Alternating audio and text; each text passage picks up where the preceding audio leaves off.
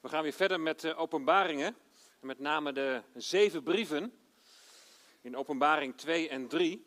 En we zijn vandaag aanbeland bij openbaring 3, vers 1 tot en met 6, de gemeente in Sardis.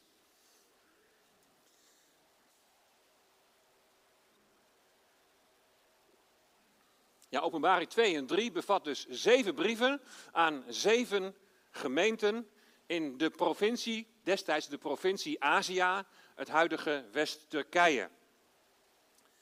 Nog even de visies op deze brief, zo even op een rijtje. Ook trouwens visies die elkaar ook niet helemaal hoeven uit te sluiten. De brieven laten iets zien over het functioneren van die gemeenten in die tijd dat Johannes deze openbaring kreeg, zo ongeveer 90 na Christus. Alle brieven zijn voor alle zeven gemeenten bestemd. Want iedere brief die besluit met wie oren heeft, die horen wat de geest tot de gemeenten, meervoud, zegt. De brieven worden hier en daar worden ze gelinkt, hebben we al gezien, aan, aan de geschiedenis van Israël. We hebben het de vorige keer over Izebel gehad. Anderen zien in de brieven een lijn in de, in de kerkgeschiedenis.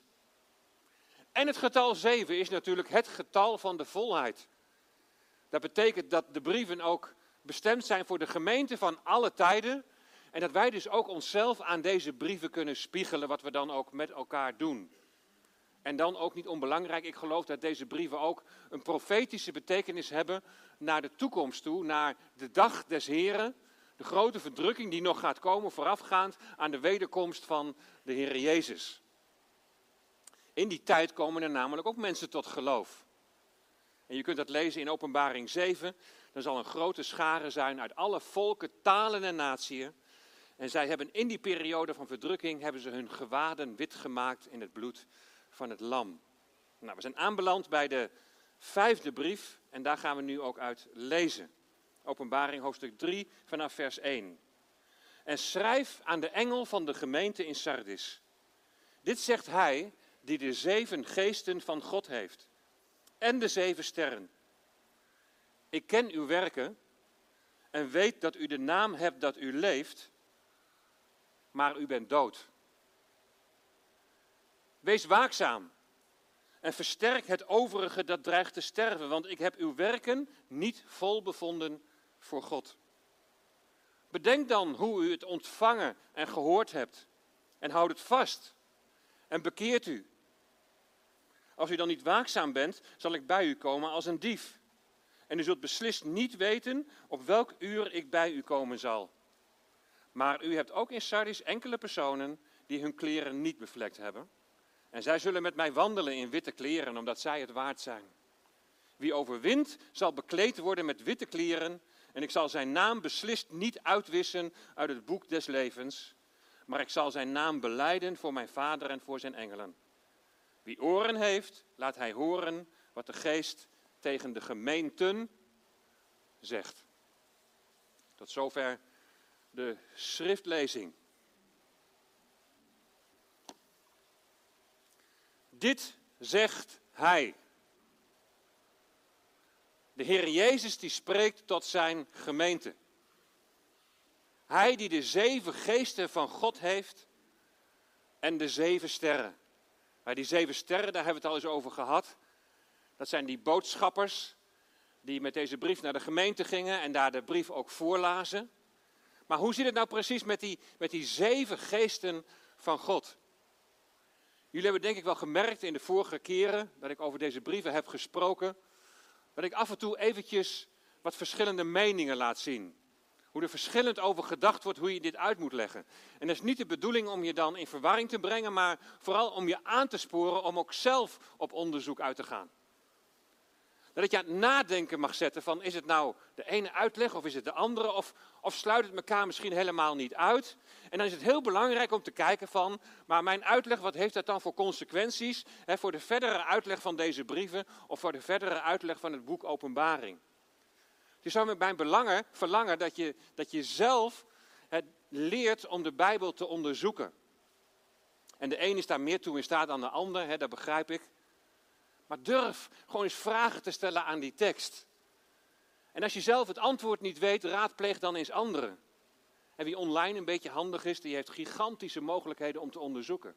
online zoeksfuncties, concordanties, opzoeken van de grondtekst, Hebreeuws, Grieks. Het is allemaal mogelijk. Maar, boven alles, en dat wil ik heel sterk benadrukken, boven alles, bid om de leiding van de Heilige Geest als je met Gods woord bezig bent. Bid om openbaring van de Geest, opdat je het woord van God mag verstaan.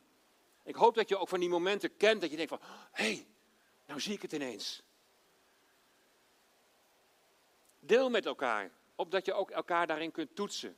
En hoor samen naar wat de geest, wat de Heilige Geest tegen de gemeente, tegen jou en mij zegt. Want het gaat niet alleen om kennis. Het is niet de bedoeling dat we straks alleen naar huis gaan van, oh, we hebben weer wat nieuwe weetjes. Maar het gaat erom dat we iets proeven van wat wil de Heer door dit woord heen, wat wil hij door dit woord heen tot jou en mij, tot ons zeggen. Wat is zijn boodschap? Wie oren heeft, laat hij horen wat de geest tegen de gemeenten zegt. De zeven geesten van God. Er zijn mensen die zeggen het gaat hier om zeven aartsengelen. In de Bijbel worden er twee genoemd, Gabriel en Michael. Maar in het apocryfe boek, in 1 Henoch, en ook zo binnen het Jodendom, zijn er zeven aartsengelen. Je ziet de namen daar staan, Gabriel, Michael, Raphaël, etc. Allemaal eindigend op L. Eindigend op God. Maar we hebben echter in voorgaande brieven gezien dat het aspect van de Heer Jezus in de desbetreffende brief, wat daar in die desbetreffende brief van de Heer Jezus wordt genoemd, dat het ook op de een of andere manier toepasselijk is voor die gemeente. Dus moeten de zeven geesten van God, die, die, die zouden iets te maken moeten hebben met de situatie in de gemeente in Sardis. Een andere uitleg is dan ook dat je de zeven hier weer moet lezen als het getal van de volheid. En dan zou het hier gaan om de volheid van de Heilige Geest. Jezus Christus die de zeven geesten van God heeft. Die de volheid van de Heilige Geest heeft en de volheid van de Heilige Geest beschikbaar wil stellen. Nou zie je die volheid van de Geest, zie je dat terug in de gemeente in Sardis. Zie je die volheid van de Geest, zie je dat terug in de Vrije Baptistengemeente De Fontein in Emmeloord. Ervaar je zelf iets van die volheid van de Heilige Geest. Het is de Heilige Geest die je allereerst overtuigt van zonde, gerechtigheid en oordeel. Het is de Heilige Geest die je overtuigt van zonde, dat, je niet van nature in relatie met God staat. Het is de Heilige Geest die getuigt van gerechtigheid. Dat er maar één is die rechtvaardig is en dat er maar één is die jou rechtvaardig kan maken en dat is Jezus Christus. En het is de Heilige Geest die getuigt van oordeel. Dat de Satan reeds geoordeeld is en dat zij die niet in Christus geloven, zelf straks bij het eindoordeel de veroordeling moeten dragen. Het is de Heilige Geest die levend maakt.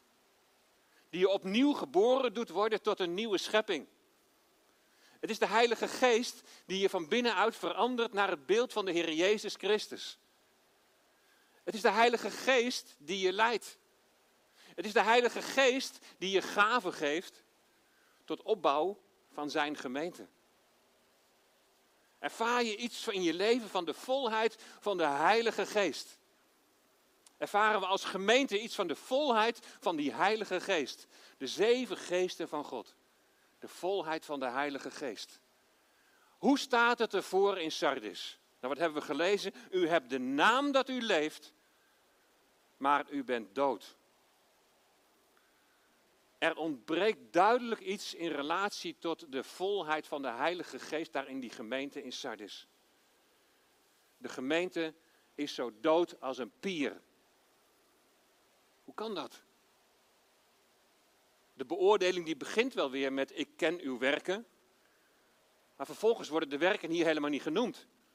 En dan lees je iets verderop dat die werken niet vol bevonden worden. Ik denk dat, dat, de, dat de werken met name de gerichtheid op de Heer Jezus missen. En ze zullen in, in Sardis ongetwijfeld werken doen die een christelijk karakter hebben. Werken die de normen en de waarden van het christendom uitdragen. En je hoort dat ook vaak in het onderwijs tegenwoordig. Ja, het christelijke van de school komt vooral tot uiting in onze christelijke normen en waarden. Maar voor de rest moet je niet zoveel verwachten. En hoeveel kerken zijn er niet waar het, waar het ook niet anders is? We staan voor de normen en waarden van het christendom, maar ach ja, Jezus opstanding. De volheid van de Heilige Geest, wat, wat, wat is dat eigenlijk? Wat moeten we daarmee? En dan merk je dat het op een gegeven moment zo horizontaal is, dat er niets geestelijks meer aan is. De werking van de Heilige Geest ontbreekt en de Heer Jezus staat niet meer in het middelpunt. Nou, lieve mensen, we staan vanmorgen weer voor de spiegel. Want hoe zit het met jou en hoe zit het met mij? Hoewel het de vraag is of je de kerkgeschiedenis zo één op één op deze brieven kunt plakken, is het wel heel interessant om te kijken in hoeverre de periode die ze er dan opplakken bij Sardis, in hoeverre die periode nou overeenkomsten vertoont met het verwijt wat daar wordt gemaakt. U hebt de naam dat u leeft, maar u bent dood. De vorige brief hebben we gezien, Thyatira, die zou dan in relatie staan tot de middeleeuwen. In relatie staat tot de katholieke kerk, wat toen ook de enige kerk was. En de kerk die toen wereldlijke macht kreeg. De kerk heerste over de wereld. De gemeente van Sardis, die moet je dan vergelijken met de periode vanaf de Reformatie. En de periode daarna. Dan praten we dus zo over 1520 tot 1750 na Christus. Nou, die Reformatie die heeft ontzettend veel goeds gebracht. De Reformatie kun je zeker zien als een werking van Gods geest. Wat zijn de zegeningen van die Reformatie? De Bijbel is teruggegeven aan het volk. De Bijbel is gedrukt en in vele talen vertaald. Dat is de vrucht van de Reformatie. Sola scriptura, alleen de schrift. Niet de zelfbedachte regels van de kerk. Dus ik ga het even vergelijken met die periode daarvoor. Die regels die er vaak waren om het volk daarmee te onderdrukken. Nee, de schrift alleen. Sola fide, geloof alleen. Niet de werken, maar het geloof behoudt. Sola gratia, genade alleen. Niet de sacramenten en niet door bijvoorbeeld de biecht ontvang je vergeving van zonde. Het is door genade alleen. Solus Christus. Christus alleen. Niet Maria of de heiligen of de priesters als tussenpersonen om het zielenheil te ontvangen, maar Christus alleen. En dan soli deo gloria. Alleen aan God alle eer. Geen eer aan de paus of de adel of geen heilige verering of verering van Maria, maar alleen aan God alle eer. Is de vrucht van de reformatie. Dat zijn de vijf sola's, zoals we dat ook wel noemen, van de Reformatie. Die zijn overigens pas in 1917, zo'n 400 jaar later, bedacht. Eerst waren het er drie, later vijf, maar het geeft wel iets aan. Allemaal vruchten van de Reformatie, maar hoe zit het nou met de volheid van de Heilige Geest? De Reformatie, het werk van Gods Geest. Maar als je ziet wat het vlak daarna allemaal uitwerkte, dan is de vraag heel legitiem, dan is de vraag in hoe, tot hoever Gods geest daarbij betrokken was. Sardis moet je niet vergelijken met de reformatie aan zich, maar met het protestantisme dat daaruit voortgekomen is. Wat uit de reformatie is voortgekomen is het protestantisme als een systeem. Wat uit de reformatie voortgekomen is, dat zijn de volkskerken. Dat zijn de staatskerken. Luther die wilde een volkskerk. Een volkskerk waar iedereen voor het volk lid van zou zijn. En als je daarvoor kiest, dan is het onmogelijk dat de kerk alleen maar bestaat uit ware gelovigen. En dan, dan bestaat ook het risico dat er weinig geestelijks meer aan is. Wat gebeurde er namelijk? De vorsten in Duitsland die gingen uitmaken hoe de reformatie zou verlopen. En bij de godsdienstvrede in Augsburg, dat was in 1555, werd Duitsland als het ware een lappendeken, waarbij iedere onderdaan in dat keizerrijk de godsdienst aannam van zijn vorst. En hier zie je die lappendeken. Bij wiens gebied je hoort, diens godsdienst neem je over. Tot op de dag van vandaag heb je Roomse streken en je hebt puur Lutherse streken.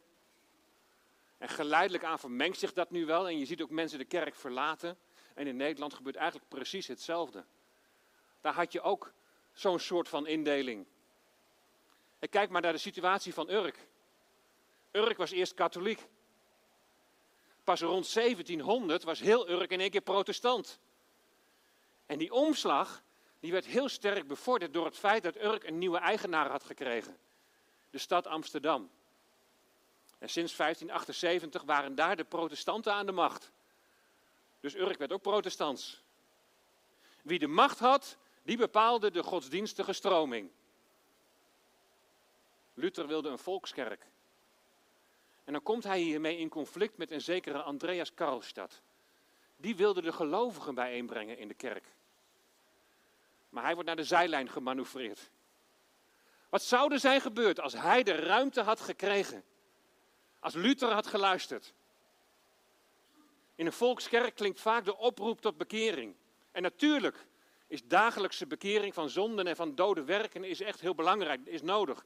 Maar die oproep tot bekering, die staat in een volkskerk vaak in, in relatie tot het feit dat er mensen in de kerk kunnen zitten, die er alleen maar komen vanuit een stuk traditie, vanuit een indeling.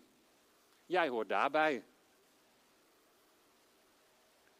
Er is zoveel misgegaan in de kerkgeschiedenis. Natuurlijk heb je ook wel verzetten daartegen gehad, de doperse bewegingen. Hebben ook weer veel goeds gebracht, maar die hebben ook wel hele rare dingen uitgehaald allemaal. Er is zoveel misgegaan. Thyatira. Het Rooms-Katholicisme heerste over de wereld. En Sardis, tegenovergesteld, het protestantisme, die zoekt haar bescherming bij de wereld. Het systeem van het protestantisme, daar is niets geestelijks aan. De godsdienst aannemen van de vorst waaronder je viel. Het is dan geen innerlijk werk van de wedergeboorte door de Heilige Geest. Natuurlijk waren er wel die zo in het geloof stonden. Maar het risico van zo'n systeem is dat de geest wordt gedoofd. En de gemeente wordt zo dood als een pier. U hebt de naam dat u leeft, maar u bent dood. Ja, er blijft altijd een overige, een rest. Een rest van ware gelovigen. Maar die hebben het niet makkelijk in zo'n omgeving. Zeker in die tijd kon je ook niet zomaar even van kerk switchen. Dat overige, dat dreigde te sterven. Dat onder dreigt te gaan in zo'n omgeving, die moeten juist versterkt worden. Versterk het overige, dat dreigt te sterven. En het is soms de vraag ook, ook in een gemeente, en ook als leiding van een gemeente, waar moet je nou vol je aandacht aan geven? Ga je aan een dood paard trekken en daar alle, allerlei energie aan geven en ja, als het ware leeg laten zuigen op die manier? Onlangs waren we met een groep uh, voorgangers, echtparen, twee dagen bij elkaar. En toen was het thema ook versterk het overige. Ook naar aanleiding van deze brief. Met andere woorden, investeer in die ware gelovigen.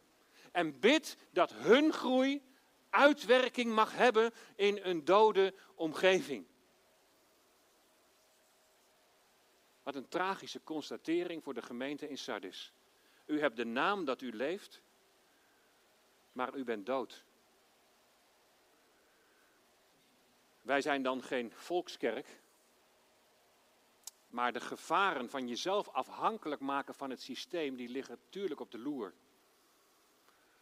Kijk, ook hier kun je zijn uit gewoonte. Maar dat eigenlijk je geloof op een laag pitje staat. Of het eigenlijk niet veel voorstelt. Dan is het wel goed om die gewoonte vast te houden.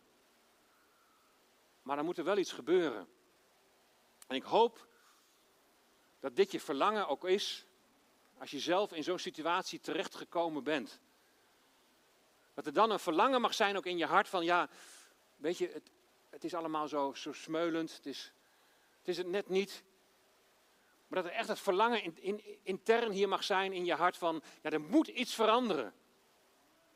En wat moet je dan doen? Hoe nu verder? Nou, in vers 3 lees je: Bedenk dan hoe u het ontvangen hebt en gehoord, en houd het vast en bekeer u. Hoe u het hebt ontvangen. Er staat niet bij wat het is wat je hebt ontvangen, maar je kunt er wel eens bij bedenken. Bedenk dan hoe het evangelie, hoe de boodschap van zonde en genade, de boodschap van redding, de boodschap van het komende koningschap van de Heer Jezus, hoe dat alles, hoe dat tot je gekomen is, hoe je het hebt ontvangen en gehoord, houd het vast. En laat het je niet tussen de vingers doorglippen. Als je met verkeerde werken bezig bent die door God niet vol bevonden worden. Als je je laat afleiden door werken die alleen maar horizontaal gericht zijn. Als je je levensvervulling alleen maar vindt in je baan of je hobby of je vrienden, of wat dan ook, dan, dan bestaat het gevaar dat de Heer Jezus op de achtergrond raakt. Hou vast wat je hebt ontvangen. En voor de Reformatie was dat het ontvangen van de schrift, van de Bijbel. Laat je vullen door de woorden van de Heer. En als dat allemaal een beetje weggeëpt is, dan staat hier: bekeer je dan. Keer je dan om. Keer je radicaal om. En verlaat de weg waar het ik op de troon zit. Verlaat de weg van alleen maar mensgerichtheid, horizontaal. Verlaat de weg van twijfel en onzekerheid. Verlaat de weg waar je niet meer open staat voor de werking van de Heilige Geest in je leven. Ik richt me nu tot de gelovigen. Ik richt me tot mezelf. Word nou zichtbaar, op wat voor manier dan ook, wordt er iets zichtbaar van, van dat ik leef. Wordt zichtbaar dat ik wandel met de Heer Jezus. Wordt zichtbaar dat de Heilige Geest woont in mij. Leef ik in afhankelijkheid van mijn Heer? Ervaar ik de volheid van de Heilige Geest in mijn leven? Misschien denk je wel, ja, ja, ik heb het ontvangen en gehoord. Maar in hoeverre is het je leven? Ik denk dat in het vervolg van vers 3 de, de, de, de naamchristenen als het ware zo, zo worden bedoeld. Hey, je komt wel in de gemeente en je hebt misschien wel de naam om levend te zijn. Je bent best sympathiek en je vindt het op zich ook, wel, ook best wel mooi en je zingt wel mee. Maar of het nou echt met je hart is, het is niet vanuit een relatie met de Heer Jezus Christus. Nou, dan wil ik je waarschuwen met het vervolg van vers 3. En het is een waarschuwing van de Heer Jezus zelf, want Hij spreekt. Dit zegt Hij. En er staat, als u dan niet waakzaam bent, dan zal ik bij u komen als een dief. En u zult beslist niet weten op welk uur ik bij u zal komen. Niet waakzaam zijn betekent wat je gehoord en ontvangen hebt, heb je niet vastgehouden. Het is niet echt van je hoofd in je hart gedaald. Je laat het los en, en, en je gaat weer je eigen weg. Niet waakzaam zijn, dat betekent, je bekeert je niet. Je laat het maar een beetje lopen. Als je niet waakzaam bent, als je je niet bekeert van zo'n wandel, als je niet opnieuw geboren bent, dan komt de Heer Jezus als een dief. Dat betekent, dan komt Hij voor jou op een totaal onverwacht moment. En voor wie komt Hij onverwacht? Voor hen die niet waakzaam zijn. Wat je ontvangen en gehoord hebt, is in je hart niet doorgewerkt. Weet je, als de Heer Jezus komt, dan is het niet voldoende dat je de naam hebt dat je leeft. De geest die moet leven in je hebben gewekt. Doordat jij je in geloof aan de Heer Jezus hebt toevertrouwd.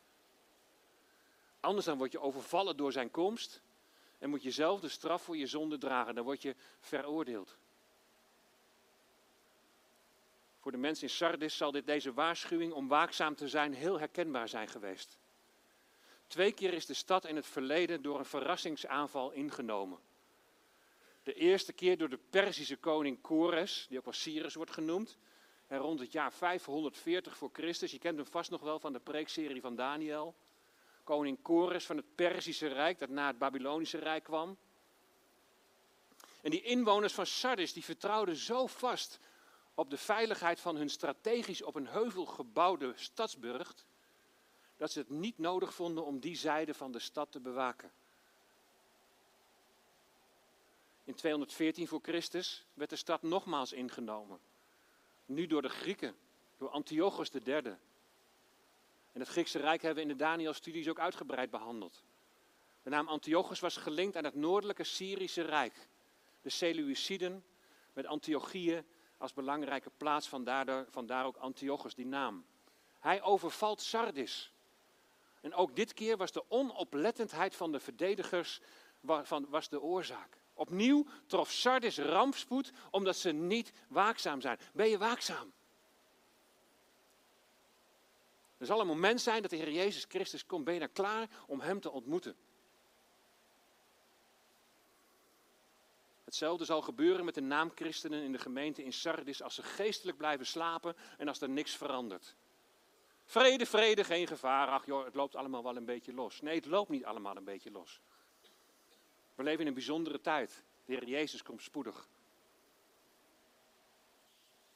Ben je waakzaam? In 1 Thessalonicense 5 vers 4 daar staat, maar u broeders bent niet in de duisternis, zodat die dag u als een dief zou overvallen. Als Christus je Heer en Heiland is, dan wandel je in het licht.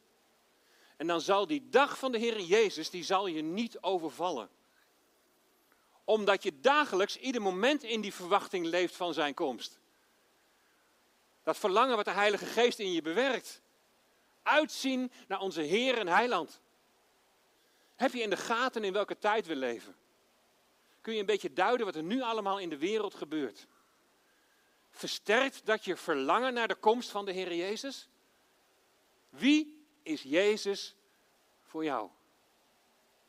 En dat is de cruciale vraag.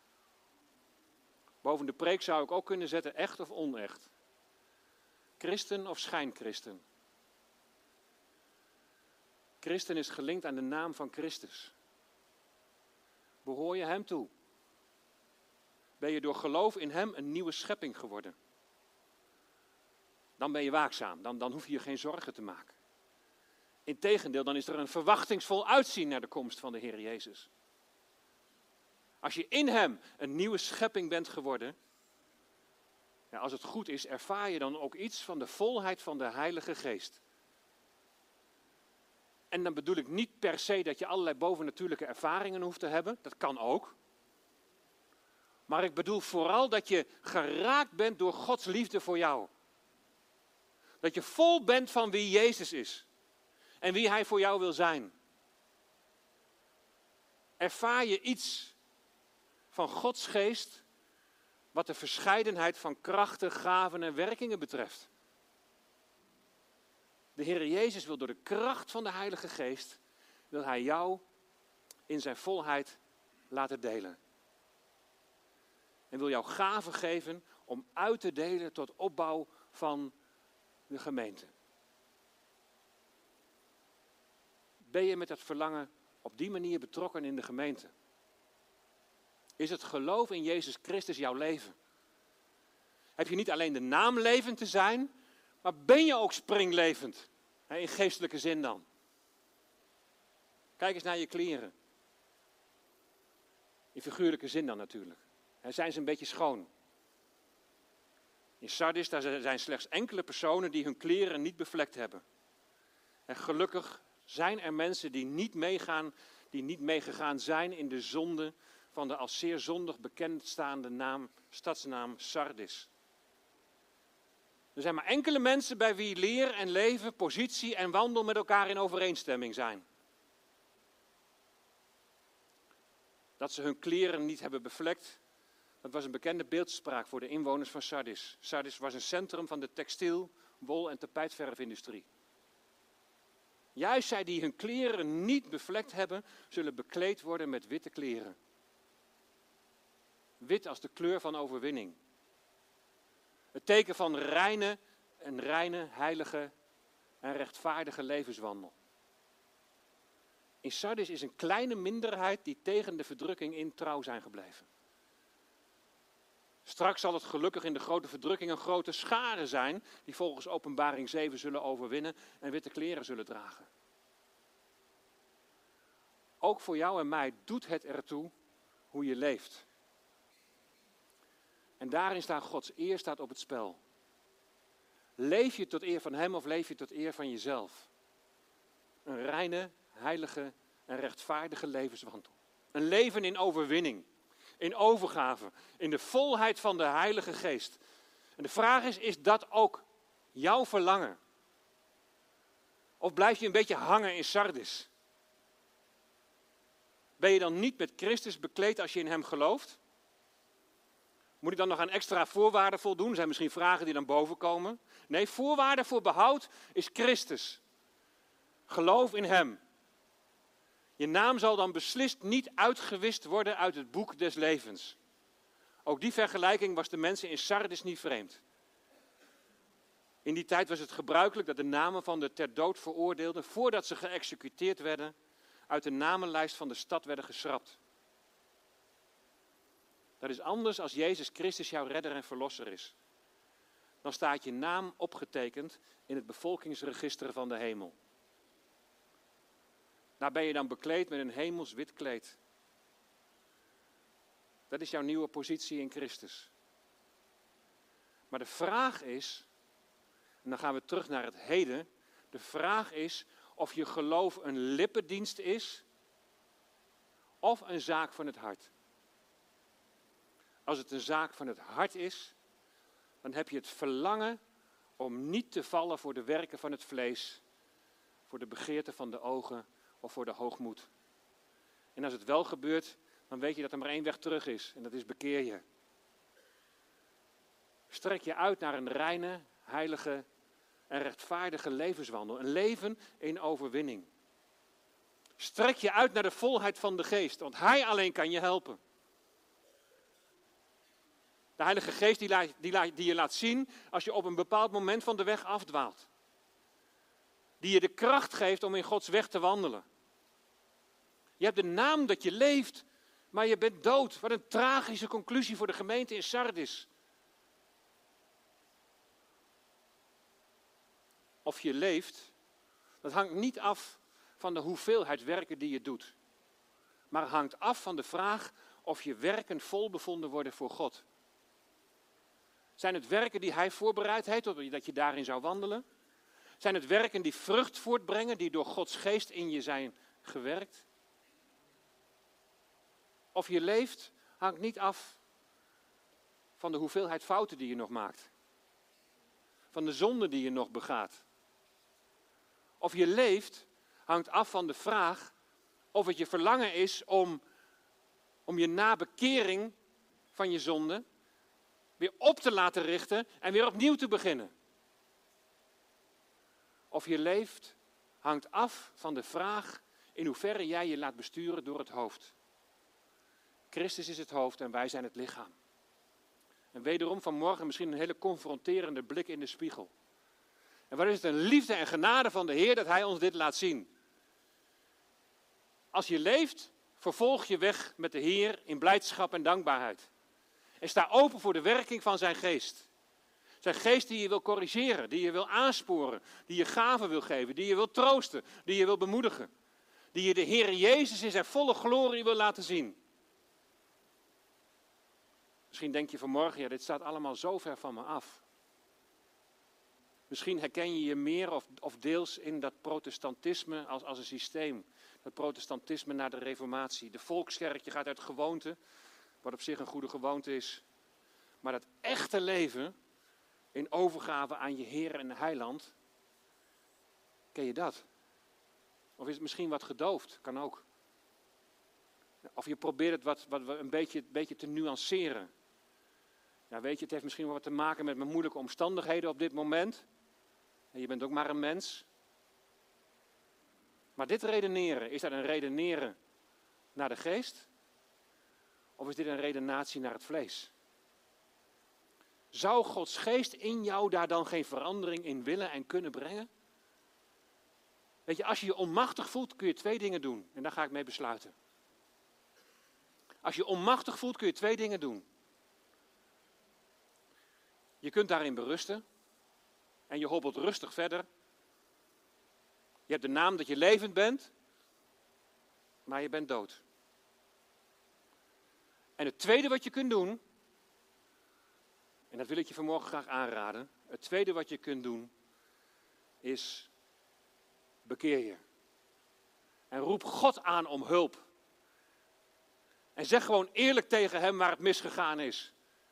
Of waar het misschien gedoofd is. En vraag om die, om die werking en die kracht van zijn geest in jou. Opdat de vlam weer mag gaan branden.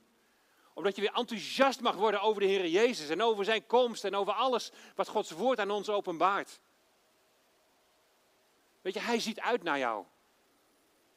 Ook al is het nog zo misgegaan. Hij, de levende, wil leven in je wekken. Hij wil met jou delen van de volheid van zijn geest. Wil je daarvoor openstaan? De Heer wil dat we groeien.